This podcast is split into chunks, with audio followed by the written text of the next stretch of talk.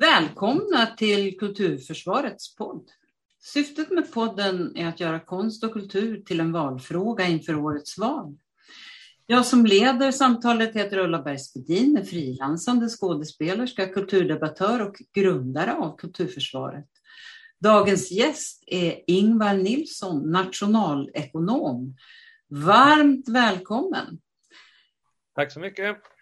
Vi ska också säga att den här podden ges i två delar, då vi har väldigt mycket att tala om. Vem är Ingvar Nilsson och vad arbetar du med för närvarande? Ja, jag är ju då som, som du sa i introduktionen nationalekonom och har eh, varit verksam som nationalekonom i ungefär 40 år och kan man säga i stort sett under hela den tiden eh, sysselsatt mig med och funderat kring det, det jag lite slarvigt skulle kunna kalla utanförskapets ekonomi. Vad är konsekvenserna i ett samhälle av att ett stort antal människor lämnas utanför? Vi vet ju att det blir en massa mänskliga konsekvenser. Men det blir också väldigt stora ekonomiska konsekvenser för de enskilda individerna men också för samhället i stort. Och det är ju det perspektivet jag då och min kollega Eva Nilsson Lundmark har intresserat oss för i väldigt många år. Tidigare jobbade jag med en annan nationalekonom också väldigt länge, Anders Wadeskog, men han är numera en lycklig pensionär. Mm. Och jag tänker på, eh, jag frågar ju vem du är. Vad, vem var den lilla Ingvar Nilsson? Eh, vad var det som gjorde att du kom in på den här banan?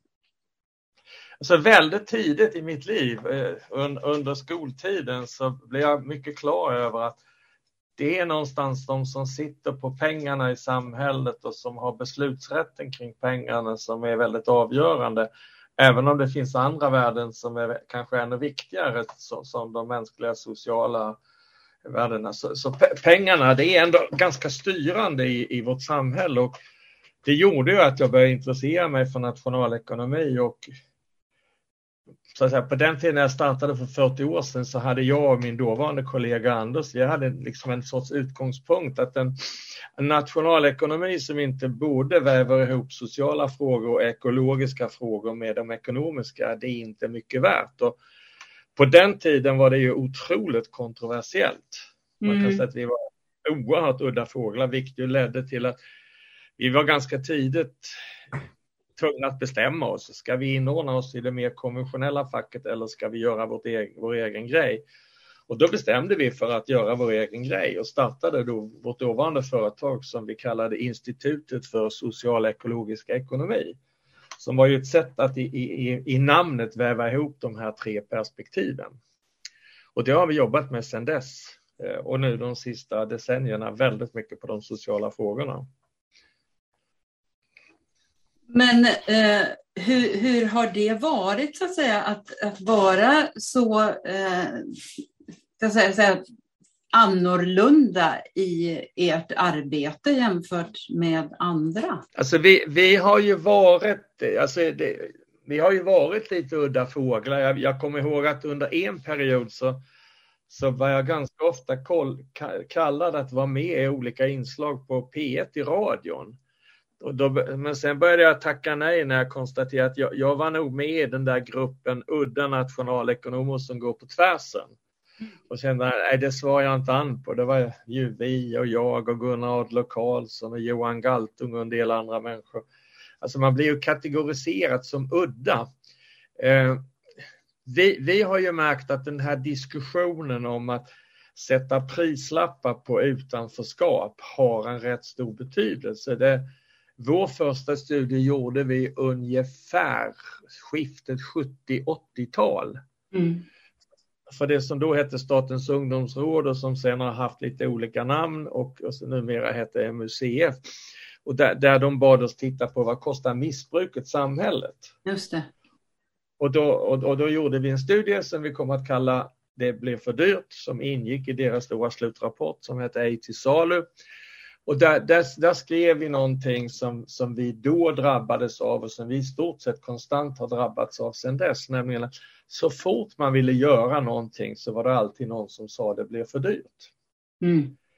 Och det vi upptäckte, vilket var ganska lätt att upptäcka när man räknar på det, var att det som verkligen blev dyrt var ju att ingenting göra.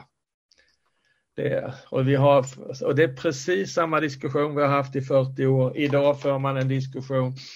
Är det värt att satsa på dyra resursskolor för elever i skolan som har någon form av diagnos av något slag? Det blir ganska dyrt. Ja, det kan man väl säga. Men alternativet att låta dem misslyckas, det är så ohyggligt mycket dyrare. Och där, där märker vi ju att vårt, vårt sätt att resonera får genomslag. Sen så har det inte fått det genomslag vi skulle önska, att man börjar flytta pengar i stora volymer. Men det, det kan synas inom väldigt många olika håll. Det, det är, i den, för, den, första kategorin av utanförskapsmänniskor vi jobbade mycket kring, det var ju personer med psykisk ohälsa. Det var då jag träffade min, min nuvarande fru och kollega Eva då, som ju jobbade väldigt mycket med personer med psykisk ohälsa och skörhet.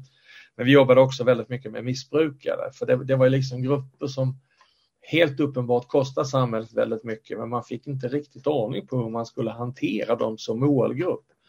Och då kunde vi säga att en, en, en om en heroinist nu kostar 2-2,5 miljoner kronor om året och lever i 10, 20, 30 år, de dör ju tyvärr ganska tidigt de här, de här människorna, då, då kommer en heroinist att skapa samhällskostnader på 20-30 miljoner kronor. Vore det inte smartare att jobba med det lilla barnet i låg och mellanstadiet där det börjar bli fel i livet? Där en insats kanske kostar 500 000. Alltså man kan rädda väldigt många för 25 miljoner kronor om, om insatsen för att rädda unga är 500 000. Och det, den diskussionen, att om man vi tänker oftast att visualisera det här som en sorts gungbräda. Liksom, vad, vad vippar upp och ner? Det är den tydliga begränsade insatsen när, när, barn och unga är små eller är det den här väldigt stora insatsen sen när, när folk blir vuxna? Och det, jag menar, det, det räcker ju med att fundera på påskens kravaller i några av våra städer. Just det. Där vi ser resultatet av ett antal unga människor som ju har, har växt upp i de här områdena och marginaliserats och kanske blivit livsstilskriminella och som är med och har på många ställen varit med och driva de här kravallerna som kostar enorma mängder pengar. Vi pratar inte om en eller tio miljoner, vi pratar ju flera tiotals miljoner. Bara på en enda händelse. Ja, och vi ska verkligen återkomma till alla de här frågorna. Men jag ska också eh, ställa en av mina obligatoriska frågor som jag ställer till alla gäster. Varför anser du att det är viktigt att få in konst och kultur i debatten inför höstens val?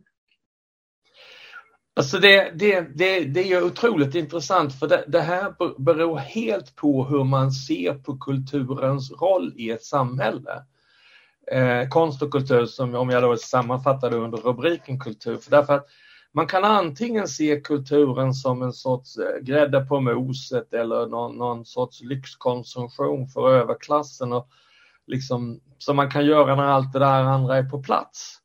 Men, men eh, eh, med vårt perspektiv så ser vi kulturen som någonting helt annat vi ser kulturen som en av de grundläggande centrala komponenterna i att bygga ett samhälle.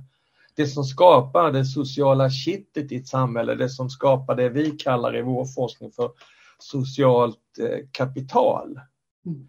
Att tillhöra en gemenskap, en samhörighet. Och det, det, alltså, man, om man glömmer bort det så kan man faktiskt erinra sig hur fångarna i Auschwitz spelade klassisk musik ända in i slutet den hade en, en sammanbindande, bärande funktion. Och det har, det har kulturen. Vi jobbar rätt mycket med barnkultur i något som heter Läslandet eller Läsa för integration. Där, där vi ser hur att, att introducera barn, i det här fallet barn som kommer från andra länder, till den svenska kulturskatten. Att liksom introducera dem till Mumintrollet, eh, Emil i Lönneberga, Pippi Långstrump det är också att introducera dem till det svenska samhället på ett mycket grundläggande och mycket djupare plan mm. än bara språkkunskap eller bara att klara betygen utan att, att kulturen är ett sätt för oss att vara en del av det gemensamma viet. Och det är för oss helt centralt när, när vi jobbar. Och att förstå hur, hur det här, de sociala relationerna är, är en viktig måttstock. Jag tänker mycket på Anders Karlberg som en gång startade Frushuset. Han hade ett, ett motto som jag tycker idag gäller ännu mer än tidigare, nämligen att man kan inte påverka människor utan en relation. Relationsbygget är så otroligt centralt i vårt liv och där, där är kulturen en relationsbyggare. Verkligen. Jag tycker det är så intressant också, för jag har arbetat med en hel del människor som har kommit hit från andra länder i de här flyktingvågarna. Och jag upptäckte då att eh, flera av de här som var i 35-40 års åldern, de hade redan i Syrien till exempel, de, de kunde Nils Holgersson, de kunde Pippi Långstrump. Och när jag tänker då på hur många av våra ungdomar här kan några arabiska poeter eller eh, författare som skriver för barn till exempel. Jag tyckte det var ganska intressant att de hade faktiskt med sig det redan när de kom hit.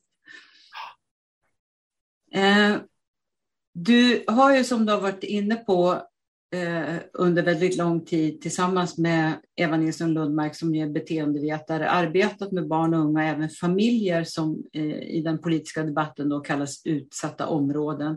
Kan du först berätta om hur det kom sig att ni började samarbeta och hur situationen har förändrats under de här 40 åren som ni har arbetat?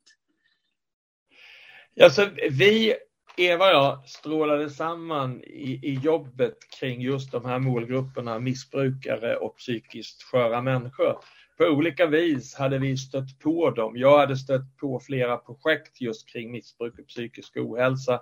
Evas var vid den tiden verksam i sin grundprofession som arbetsterapeut och beteendevetare kring psykiskt sjuka människor. Och då, och, då, och då såg vi att här har vi en gemensam plattform.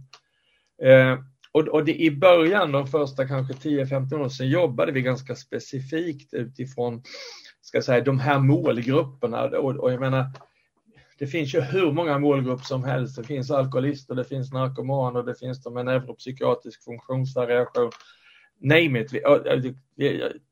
Jag tror inte det finns en målgrupp som vi inte har jobbat med. Blinda, döva, rullstolsburna, personer som har varit neurosedynskadade. Jag, jag, jag, tror jag alla tänkbara målgrupper av människor som på olika sätt har fått törnar i livet eller var sköra av olika slag.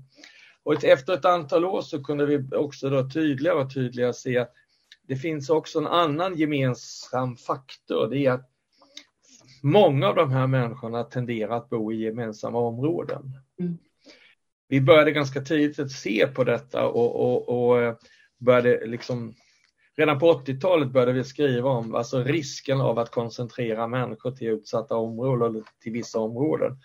Och det där har ju mer och mer blivit tydligt då, för när, när vi nu tittar på de här områdena så ser vi ju jättetydligt att det är just koncentrationen av sköra människor som är ett problem.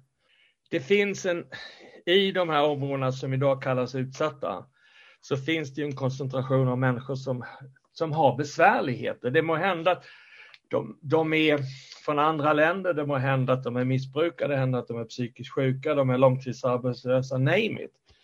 Och det, det, den första saken man måste börja fundera eh, ganska mycket på, det har jag diskuterat rätt mycket med en, en kompis till mig som, som är gammal rapartist som heter Blues. När han inte rappar, då heter han Raymond. Och, och vi, vi, har fört ett ganska intensivt samtal kring det här därför att eh, tittar man på de här områdena idag så är det väldigt lätt att ge problemet en etnisk eller religiös stämpel.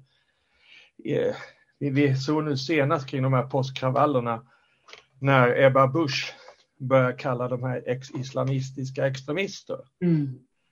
Eh, och bunta ihop alla så, som har islam som, som en tro i gruppen extremister. Eh, eller att de är etiopier eller, eller somalier eller whatever. Men, men det finns en mycket mer intressant förenande faktor och det är att alla tillhör underklassen. Mm. Och om man lägger ett klassperspektiv och lägger lite historia, så precis det här som vi ser nu hände på 30-talet i Stockholms city.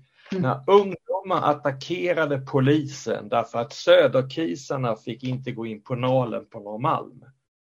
Och det fanns inte ett uns etniskt i den, den problematiken, det var en klassproblematik. Och den hade vi under 50-talet, vi hade under 60-talet, vi hade raggarkravaller, vi hade måttskravaller. Allt det där vi ser idag hade vi då också, mm. utan etniska stämplar. Sen började vi få grupper av invandrare som kom till landet och, sen, och då kunde vi börja skylla på finnarna. Mm. Lite senare kunde vi börja fylla, fylla, fylla, eller skylla på juggarna. Mm. Senare kan vi fylla på, skylla på somalierna. Och det här har gått i olika vågor. Men en gemens, mer gemenskapande faktor för de här grupperna är att de är lågutbildade och de har så att säga, då, dålig ekonomi och, och, och så att säga, tillhör det vi traditionellt för kallar underklassen eller arbetarklassen eller socialgrupp 3 eller vad vi nu har. Vi har haft olika beteckningar på de här grupperna. Eh, och det är mycket mer begripligt. Därför att om, om du åker ut till Hallonbergen, Rinkeby, Hovsjö eller Rosengård. Alltså, många av dem som lever där kommer från så väsensskilda miljöer att du kan inte bunta ihop dem i gruppen invandrare. Nej. Alltså en, en iransk akademikerflykting och en somalisk analfabet. De har inte så särskilt mycket mer gemensamt än att de inte kommer från Sverige. Mm. Men ska vi möta dem och förstå dem så måste vi liksom hitta de utgångspunkterna. Och det, det vi märkte då i de här områdena som jag pratade om, det är att här har vi en kraftig normförskjutning. Det är normalt att vara arbetslös, det är normalt att misslyckas i skolan, det är normalt att hissen inte funkar och så vidare. Så vi får en förskjuten normalitet som, som på barn och unga ofta landar i att det inte är coolt att plugga. Så barnen, särskilt pojkarna, misslyckas ordentligt i skolan. Och då vet vi det att misslyckas i skolan, det är en ganska säker eh, förutsägelse i det mot att inte så småningom lyckas i vuxenlivet, komma in på arbetsmarknaden eller någon annanstans. Mm. Och det är ju det som är grundproblematiken därför att när man idag försöker liksom hantera våldet i våra utanförskapsområden och pratar om fler poliser, hårdare straff, fler väktare, fler övervakningskameror. Så på ett plan kan det behövas. Det, alltså det, det är självklart att vi måste stoppa våldet. Det är inte okej. Okay. Det är inte okej okay att bränna bilar, det är inte okej okay att slå sönder, det är inte okej att attackera polis. Men det, att, att, stoppa det löser inte problemet. Mm. Det bara så stoppa den, de akuta symptomen på problemet och det måste vi göra. Vi måste stoppa det för att ha en trovärdighet. Utan det vi måste fundera på det är vad är jordmånen? I vilken jordmån växer det här fram?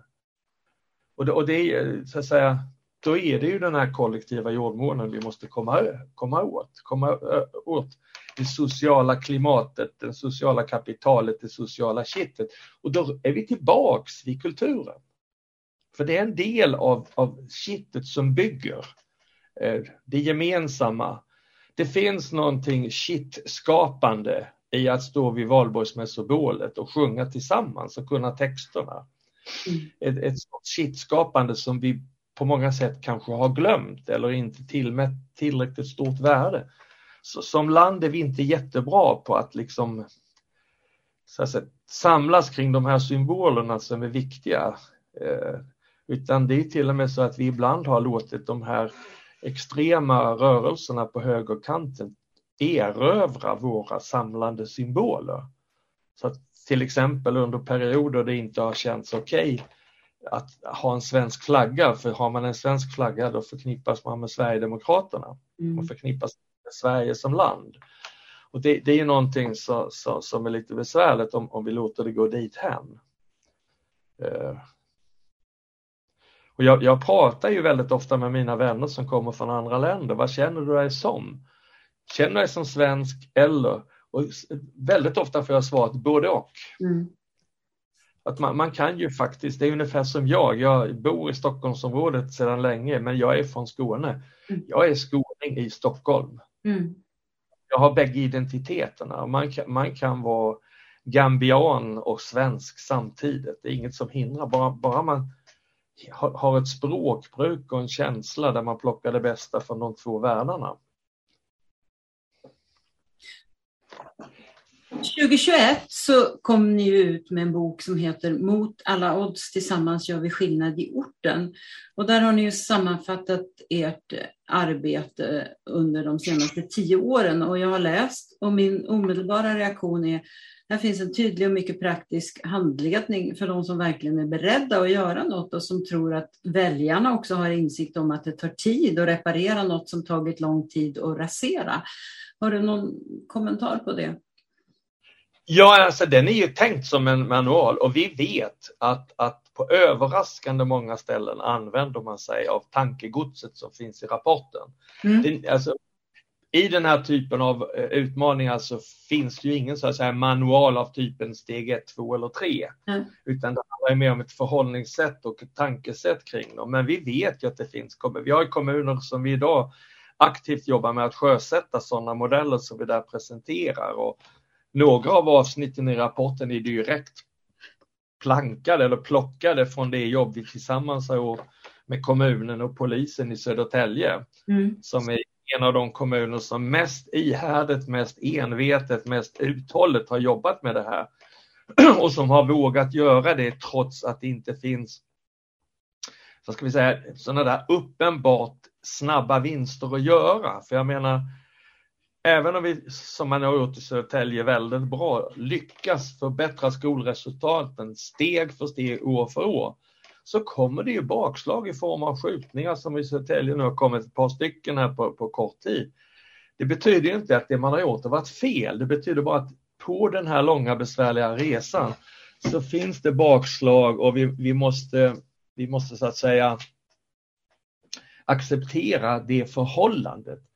Därför att vi, vi, vi tänker ju de här frågorna i ett 20-30 års perspektiv. Mm. Det är ungefär det man måste ha kring det här och då, då är det en del som vågar ha det perspektivet och andra som inte orkar. Liksom man har ett års perspektiv eller man har ju en mandatperiod. Men, och, och, och, i allra värsta fall så får vi också den här kapprustningen om, om hårdare straff som ju, och det är också otroligt intressant. Vi har jättemånga samverkanspartners som är poliser och polischefer. Och jag kan inte på rak arm erinra mig någon polischef som vi har pratat med som säger att hårdare straff är lösning. Utan de kan, de kan ofta säga som, som en polischef som vi jobbade med under, under en period i Hässelby Vällingby som har en väldigt besvärlig kriminalitet kring en grupp som heter Lejonen. Och den polischefen sa det att om, om jag får pengar till fem tjänster då anställer jag, och, och får fria händer, då anställer jag två poliser och tre kuratorer. Mm. Och den chefens uppfattning var det att vi får bäst kostnadseffektivitet om vi tidigt bromsar in socialiseringen och inrekrytering av barn och unga in i gängen. Det är där vi får effekten. Eh, det andra måste vi också göra. Vi måste stoppa buset vid Hässelby torg. Vi måste stoppa alla, mass, alla saker. Det här med narkotikaförsäljning och ungdomsrån och allt möjligt. Men, men det är ju i det långsiktigt förebyggande förtroendeskapande arbetet. Och det, är, det är också jättetydligt. Eh, jag tänker på eh, Niklas Andersson som var polisområdeschef på Rinkeby som vi jobbar med under några år. Han sa det att om vi inte lyckas bygga ett förtroende med medborgarna här ute i Rinkeby så de ser oss som ett, en resurs och en tillgång och litar på oss, då kommer vi aldrig lyckas med vårt polisiära uppdrag. Och det, för mig är det ganska representativa synsätt inom polisen på de här frågorna. Sen att vi också måste låsa in buset på kort sikt, det är en mm. självklarhet.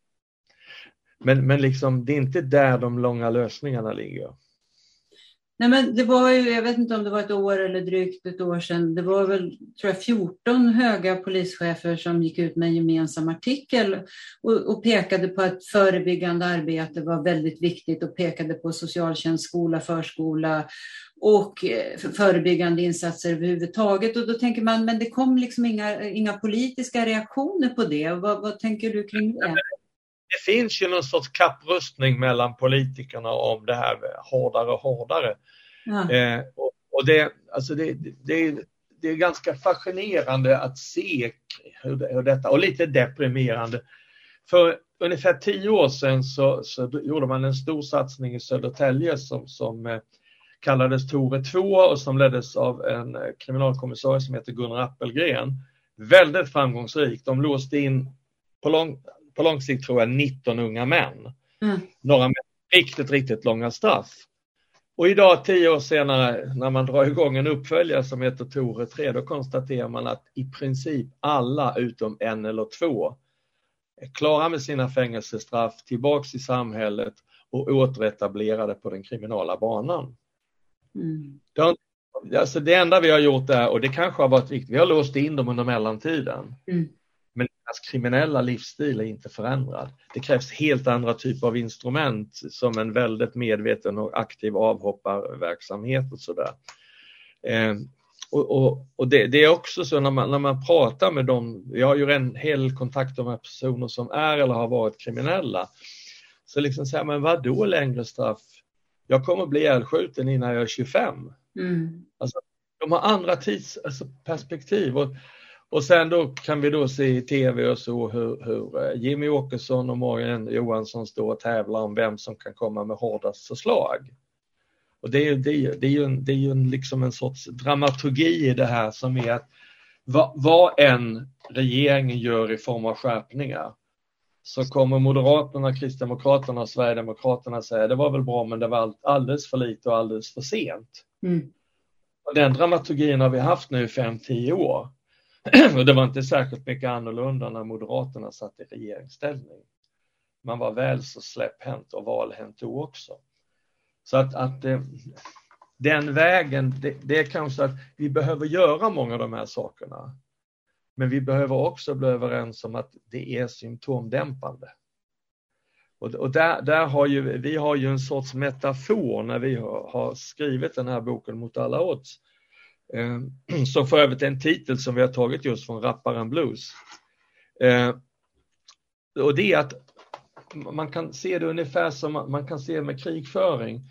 Man pratar ibland om att man måste först vinna slaget, sen måste man vinna hela kriget. Men framför allt det man måste göra det är att bygga förutsättningarna för freden. Mm. Och historiskt sett har vi väldigt mycket erfarenhet av att ha misslyckats. När, när vi, så att säga, man vann första världskriget så byggde man inte freden och vad fick man andra världskriget? Mm. När man besegrade Saddam Hussein i Irak, man vann slaget, man vann kriget, men freden har man inte klart av att bygga. Eh, och det är samma, vi kan börja fundera på samma fråga kring Putin och Ukraina. Vil mm. Vilken fred kan man bygga där? Och, och det, det, vi har liksom upptäckt att man, man, kan faktiskt se det här arbetet i tre steg.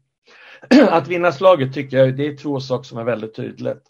Stoppa våldet men återerövra de offentliga platserna i samhället. Många av de här platserna är erövrade av de kriminella.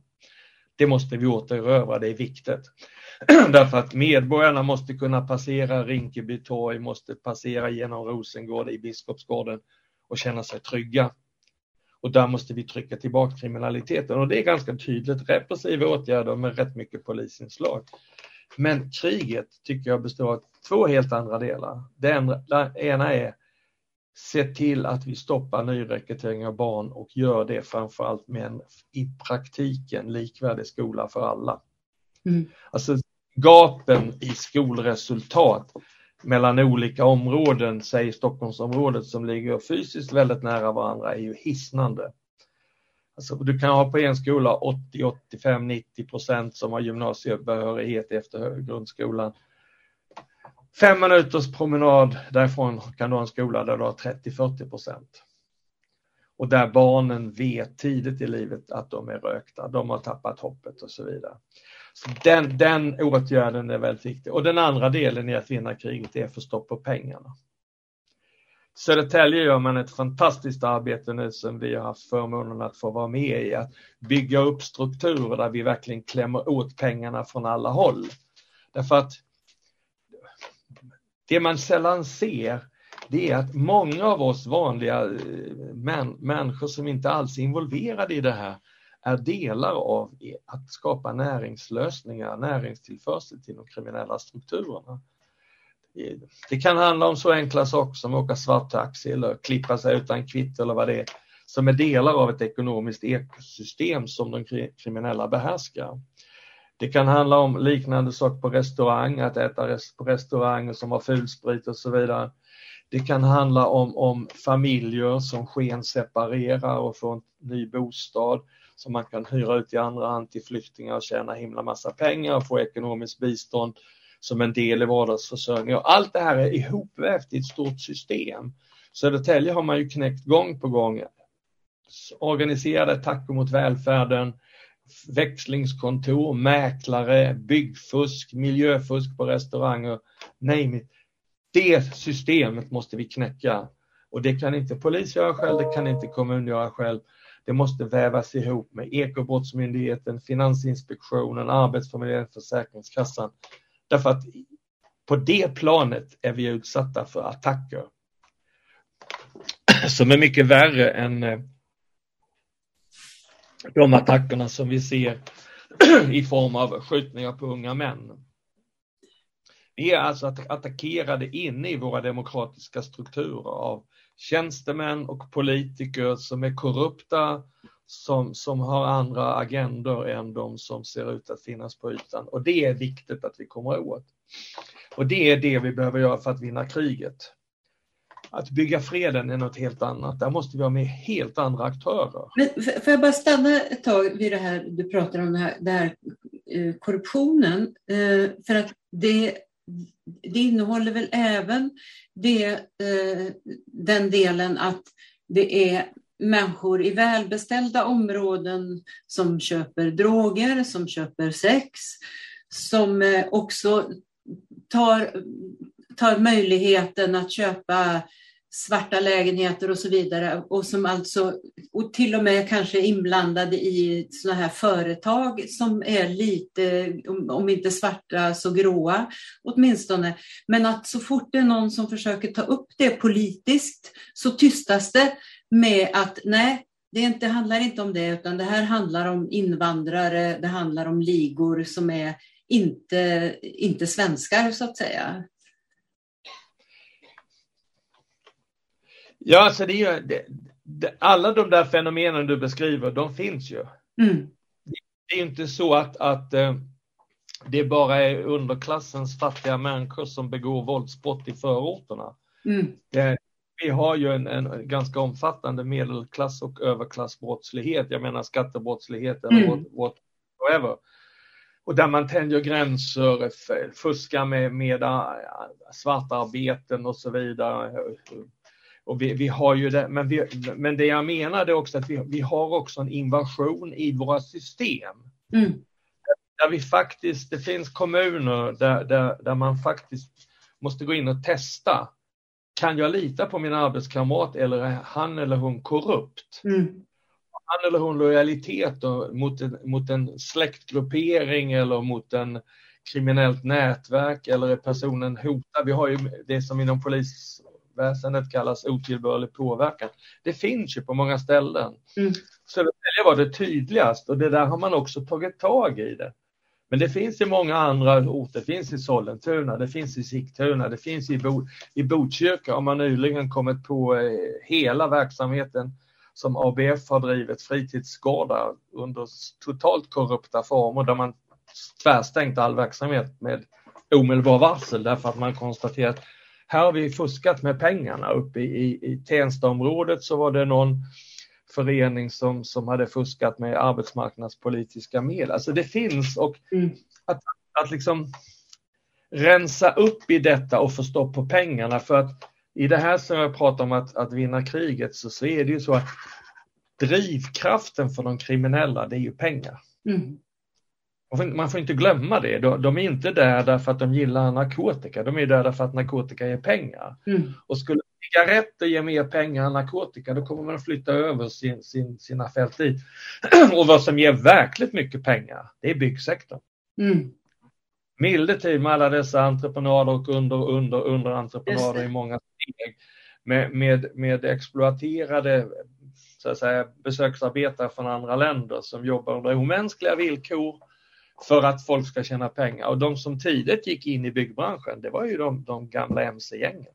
Hells Angels och Bandidos. De gick tidigt in därför att de såg att här finns mycket mer pengar med mycket mindre risk. Mm. För det, det, är ju intäktsmöjligheter kontra risk som, som är i kalkylen. Men allt det här är ju egentligen bara det här med att vinna kriget. För att bygga freden krävs det något mer. Mm. Därför, därför, att om vi, om vi tittar på hur klimatet är i de områden som vi, som vi har det här våldet kring och med den höga koncentration av sköra människor så finns det också ett extremt starkt misstroende mot myndigheter. Mm.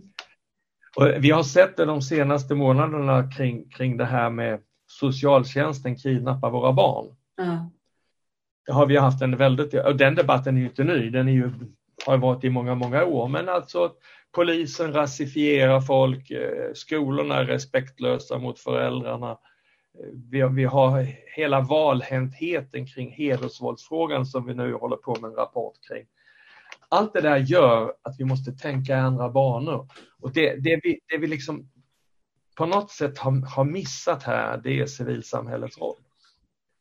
Det som vi förr kallade folkrörelser. Mm. Och det som en gång byggde vårt samhälle, det var frikyrkorörelsen, det var arbetarrörelsen, det var folkbildningsrörelsen, det var folkbiblioteken.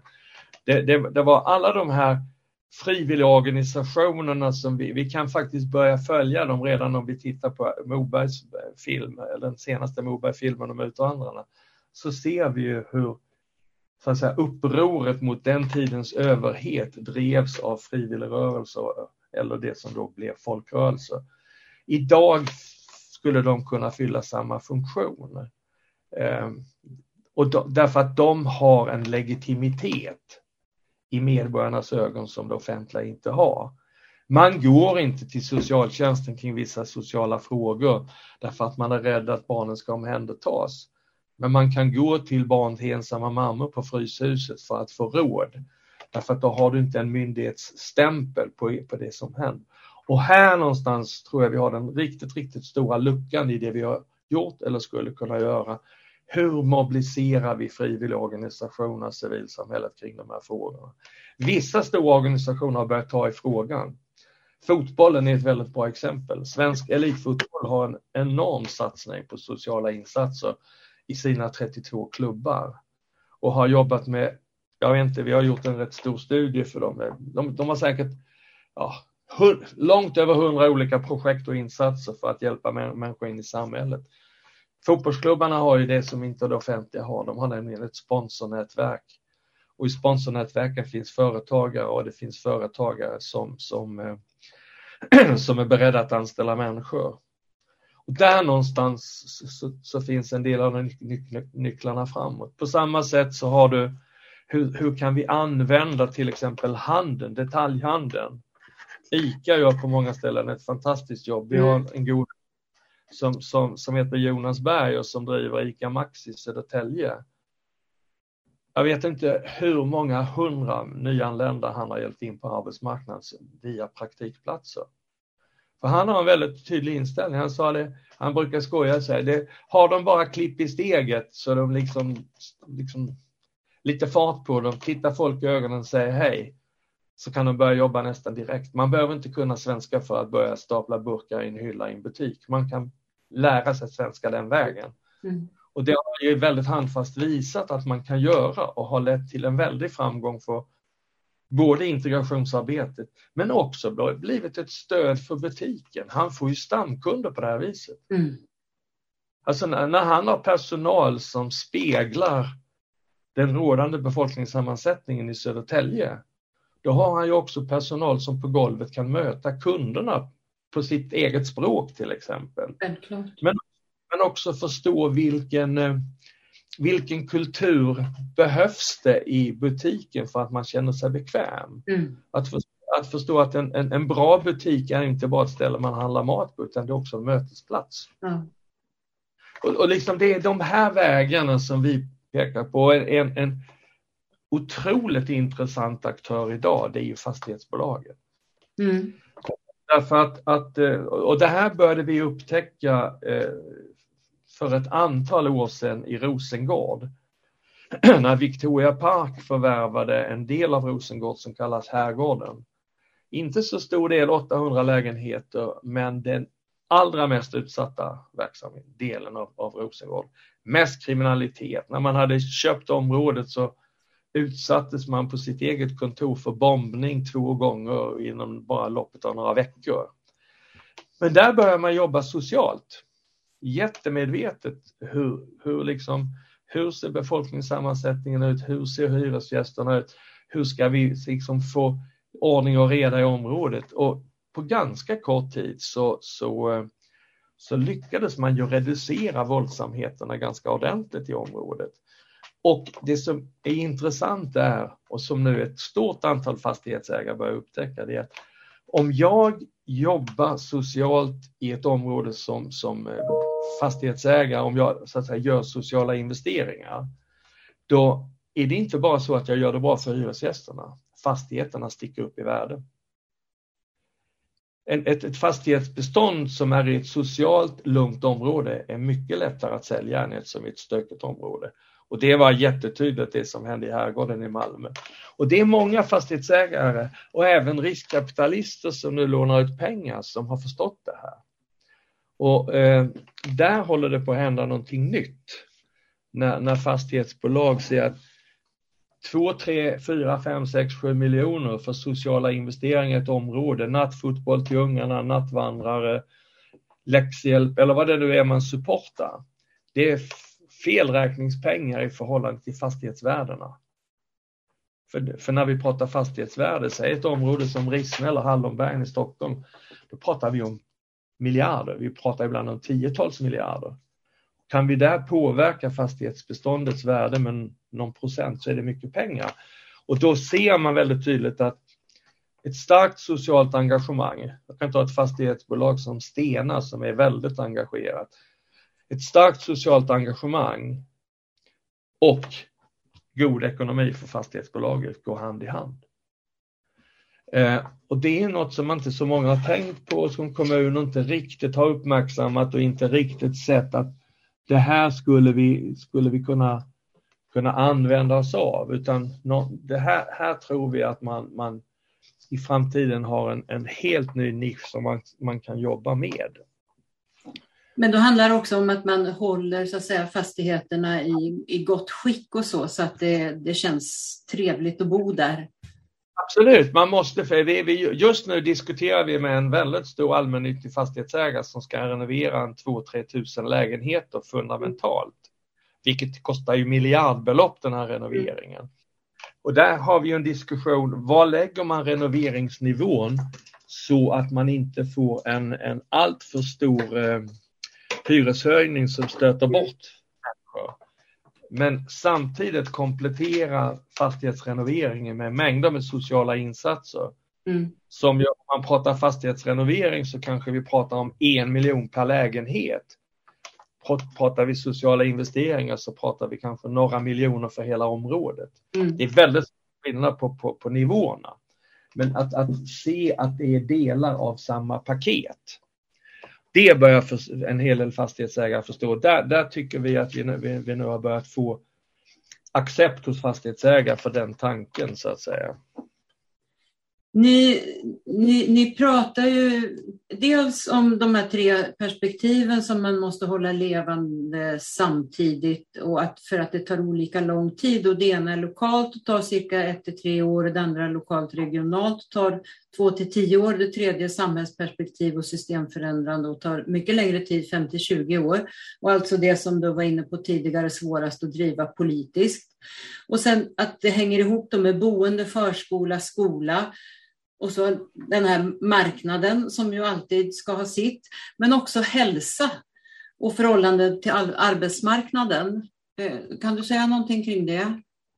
Ja, alltså det är ju så att om vi börjar med arbete så, så är det ju så att, att som det ser ut i vårt samhälle, det kan man diskutera, men så är det så att, att ha ett arbete är också ett kvitto på att jag ingår i samhällsgemenskapen. Mm. Liksom, ta ansvar för sitt liv, försörja sig själv. Det ger autonomi. Mm. Jag är inte av andra. Men det är också till, en tillhörighet och ett sammanhang. En arbetsplats fyller ju så väldigt många olika funktioner. Eh, och detta i sin tur är ju hälsobefrämjande. Mm. Vi, vi vet ju det att eh, arbetslöshet, särskilt den här ofrivilliga, den är ju eh, så att säga, hälsoreducerande. Alltså, man vet ju, det, det tänker jag på Eva med sin bakgrund som arbetsterapeut, man vet ju ganska klart att efter fyr, ett antal, fyra, fem, sex, sju veckor så tappar man funktionsförmågor. Mm. Alltså saker som man tidigare gjort, som, alltså jag menar, man, svänger in om Konsum för att handla på väg hem för jobbet. Men när man har varit långtidsarbetslös en sex, åtta veckor, då är att gå och handla, det är en prestation. Mm. Det är en tröskel därför att det händer någonting med våra förmågor som är kopplade till, till arbetet. Och, och, och man, man, vet också att, att det här utlöser en del triggereffekter. Har jag, har jag tidigare druckit lite för mycket kanske eller i överkant, särskilt kring helgerna, om jag går hemma varje dag så, så, så, är risken betydande att jag accelererar min, min alkoholkonsumtion och sen blir det varje dag. Och är jag lite deprimerad och låg så, så förstärks det. Alltså det finns många saker. Och man, vi kan titta på hur man äter mer och onyttigt och så får vi övervikt med alla de effekterna. Alltså det, det, det, vi menar på är att det här, det här måste ses som ett paket. Och kärnan i det paketet är familjen på ett eller annat sätt. Eh, för att familjen är ändå det, det sammanhang där allt förenas, särskilt när man har, om vi pratar om en familj med barn. Och då blir föräldraskapet helt avgörande. Jag, jag brukar säga som så att det finns förmodligen ingen samhällsinvestering som är så lönsam som att hjälpa föräldrar att vara goda föräldrar. Därför att vi får igång på dem får vi höra då, de här ungarna som driver omkring i de här områdena och stökar, ställer till och så vidare. Liksom, och så säger man, ja men vad, tar inte föräldrarna något ansvar? Mm. Nej, ett, ett av svaren kan vara att nej det gör de inte därför att de orkar inte, de fattar inte, de, de, de har kanske inte förmågan eller de är så traumatiserade av sin förhistoria eller det finns så mycket psykisk ohälsa eller missbruk. Och då är det ju att gå in där, att hjälpa att vara en, att vara en förälder och, och liksom se det som en sorts viktig samhällsuppgift. Jag tänker på en, en, en kompis till mig som kommer från ett annat land som, som berättade hur för honom så hade en fritidsledare varit helt avgörande för att han hade klarat sig från att hamna i en gängkriminell värld. För det var en fritidsledare som såg honom, som hjälpte in honom i fotbollen och basketen eh, och gjorde det som hans mamma inte hade orkat. Han sa det, mamma köpte fotbollsskor till mig, men det var den här fritidsledaren som hjälpte mig in i fotbollen. Det hade hon aldrig orkat, inte. hon hade inte kunnat, hon hade inte förstått spelreglerna. Eh, och, jag, och jag tror det är här vi, vi kan göra väldigt mycket. Och här har ju då eh, civilsamhället en ohyggligt stor roll. Mm. Att stötta detta föräldraskap, både via stöd som har att göra med skolan, men också föräldraskapet i största allmänhet. Alltså hur, hur, hur hjälper man människor som har en annan kulturell bakgrund att förstå att eh, bara för att man inte får aga sina barn så är inte konsekvensen normlöshet eller gränslöshet. Det handlar mer om att hitta andra instrument. För kommer man från en kultur där, där aga var ett självklart instrument i uppfostran, mm. då måste man ju få hjälp att förstå att det finns andra instrument. Det är inte något konstigt. Folk är inte dumma i huvudet. Det, de flesta människor de vill göra så bra som möjligt för sina barn. Det handlar bara om att förstå sammanhanget. Ni har ju arbetat eh, just med familjer i det som ni har kallat att stämma i bäcken. Hur, hur har det gått till? Ja men alltså det handlar ju om just de här frågorna, hur, hur skapar vi stödsystem för familjer så att de har någon att vila sig emot. Och, och, och, På något sätt så tänker jag kring det här som att eh, jag, har, jag, har, en gammal god vän från ungdomstiden som, som bor ganska nära Tensta, han bor i Spånga, men det är nära till Tensta som är ju ett utsatt område. Va, va, vad, gör, vad gör han och hans fru? Jo, han har haft barn som har varit simmande. Alltså engagerar han sig i simskola för invandrare. Mm. Eh, ofta för flickor och kvinnor där det också finns en, en, en kulturell barriär så att mm. säga. Och hans fru som jobbar som, som lärare engagerar sig i läxhjälpen. Det är där någonstans du har nycklarna, de här vardagsmänniskorna. Vi har i en av våra rapporter som vi har kallat Tystnaden hos de många där har vi utgått från det som ibland har tillskrivit Martin Luther King, det här citatet att det är inte ondskan hos de onda som är problemet utan tystnaden hos de goda. Mm. Vi som tillåter det att ske. För därför att det har vi sagt så att ungefär 6% av landets befolkning lever i utsatta områden. Det är en 600 000 människor. Men 94% gör det inte. Mm. Det är de många. Det är vi andra. Och då har liksom hela den rapporten handlar om vad kan vi andra göra?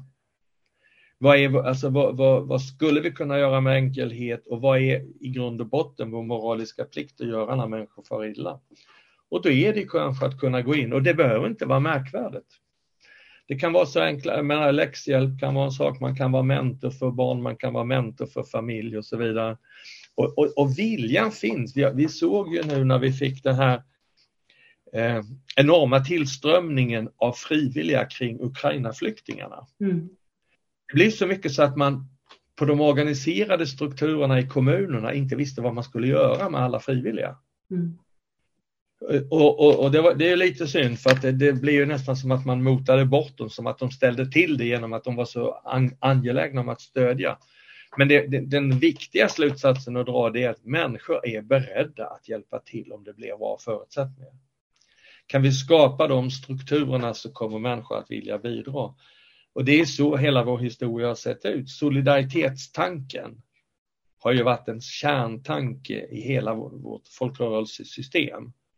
Eh, och den solidaritetstanken finns fortfarande kvar på väldigt många håll och är någonting som vi kan bygga kring. Eh, och det är där stödet mot föräldraskapet och mot familjer kommer in. Hur kan vi bidra? Hur kan jag som stark familj stötta en familj som är mindre stark? Och sen måste vi hitta former som gör det möjligt att kunna vara, vad ska vi säga, lagom mycket engagerad. För man, man kan ju bli skrämd också av typen om jag nu engagerar mig i det här så äter det här upp hela mitt privata liv så jag, jag kommer inte göra någonting annat. Men så behöver det inte vara. Utan man kan ju hitta nivåer för sitt engagemang som, som kan variera. Det är intressant tycker jag, den här, de här procenten som du pratar om. För att när man hör debatten så skulle man ju kunna tro att det vore en mycket högre grad av människor som lever i så kallade utsatta områden och som utgör den här gruppen. För att det, det, det låter ju ibland som om Sverige är, är på väg fullständigt ut i katastrofen. Så är det ju inte. Det, alltså, dessutom är det ju så att de, de som är utpräglat lever i en kriminell livsstil, det är ju oerhört mycket färre. Det är väldigt många, det är besvärande många. Men, men det är ju, alltså, he, hela den här frågan är ju så präglad av mytbildning och, och skräckskildringar. Mm. Vi har, I Stockholm har vi ju, vi har ju tunnelbanor av olika slag och blå linjen som går ut till Rinkeby, Tensta, Husby som är de här utsatta områdena. Det finns ju massor med folk som inte vågar åka den linjen på kvällarna för att man är mm. rädd att bli rånad. Och det händer i stort sett aldrig. Jag har en, en son, min, min äldsta son, han, han har bott mitt i Rinkeby i 30 år i en lägenhet. Vi brukar skoja med honom, du är den enda vita mannen i ditt hus. Eh, och jag frågar honom, liksom, känner du, han är, han är blond, han är lång, han är stor, han är alltså urtypen för en sån som skulle kunna hamna i bråk. Mm. Även om han inte bråkar med han bara för att han är så, så lång och tydlig och, så, så frågat honom, har du känt dig hotad någon gång? Nej, aldrig. Har du sett bråk? Nej, aldrig. Nej. Alltså, det, det, ser inte ut som media försöker förmedla. När vi första gången skulle börja jobba i Hosjö som ett särskilt utsatt område i Södertälje, då sa folk till oss, ni kan inte köra bil till Hop och parkera vid Hosjö torg för er bil kommer att bli slaktad och däcken sönderskurna på en halvtimme. Mm. Och, och liksom vi, vi var väl säkert där och jobbade vid hundra tillfällen. Ha, inte fasen hände det någonting. Nej. Inte fasen var det någon som gick på oss. Eller så. Så, så den här rädslan för det främmande Mm. är, är ju en, en central komponent. Eh, och, det, och det här främmande det uppstår genom att, att i de här områdena är det ju en så stark överdominans av människor med andra hudfärger eller religioner eller så. Och de som inte känner, den som inte känner någon somalier eller som, som inte vet om att just i dagarna så upphör Ramadan. Mm. För, för dem blir ju det här liksom lite skräckfyllt eller o, o, allt okänt är ju lite skräckfyllt. Och då vi är tillbaks till det här, hur bygger vi relationer, hur skapar vi möten? Och när vi har jobbat kring diskussioner om strategier i sådana utsatta områden så en sak vi har sagt är man måste bygga möt, öppna mötesplatser för alla, transparenta öppna mötesplatser. Mm. Som inte är styrna av att det finns etnicitet, en viss kön, en viss religion, utan är öppna för alla. Idealet är en lokal på något sätt där man firar sabbat med judarna ena dagen, högmässa med, med de kristna på söndagen och fredagsbön med muslimerna på, på fredagen. Mm. Att det kan ske i samma lokal. Ja. Och det, det finns liksom att, att se då att, att om man tittar på de här tre religionerna så kan man säga att det finns ju en gemensam faktor, nämligen tron på ett högre väsen än Gud. Ja. Så tro, tron sig lite olika uttrycksformer, men det behöver ju inte betyda att vi bekrigar varandra. Men så länge vi inte känner varandra så får vi ju den här, det här motsatsförhållandet. Verkligen. Ingvar, jag tror att vi ska sätta stopp för den första delen av vår intervju här. Ja. Eh, Så tackar jag så mycket för det. Och i nästa del så kommer vi att fortsätta att prata om er bok och om ert arbete. Ja. Men tack så mycket för den här delen. Ja. Och tack för att ni lyssnade och den som vill veta mer om Kulturförsvaret, om kommande poddar kan gå in på kulturförsvaret.se. Poddarna hittar ni på sidan och där poddar finns. Och om ni vill gå med i vår Facebookgrupp så är det bara att gå in och ansöka om medlemskap. Gruppen är öppen för alla som är intresserade av konst och kultur och som tycker att det är viktigt att konst och kultur och fri press och media diskuteras på samma villkor som andra politikområden inför valet. Tack och på återhörande.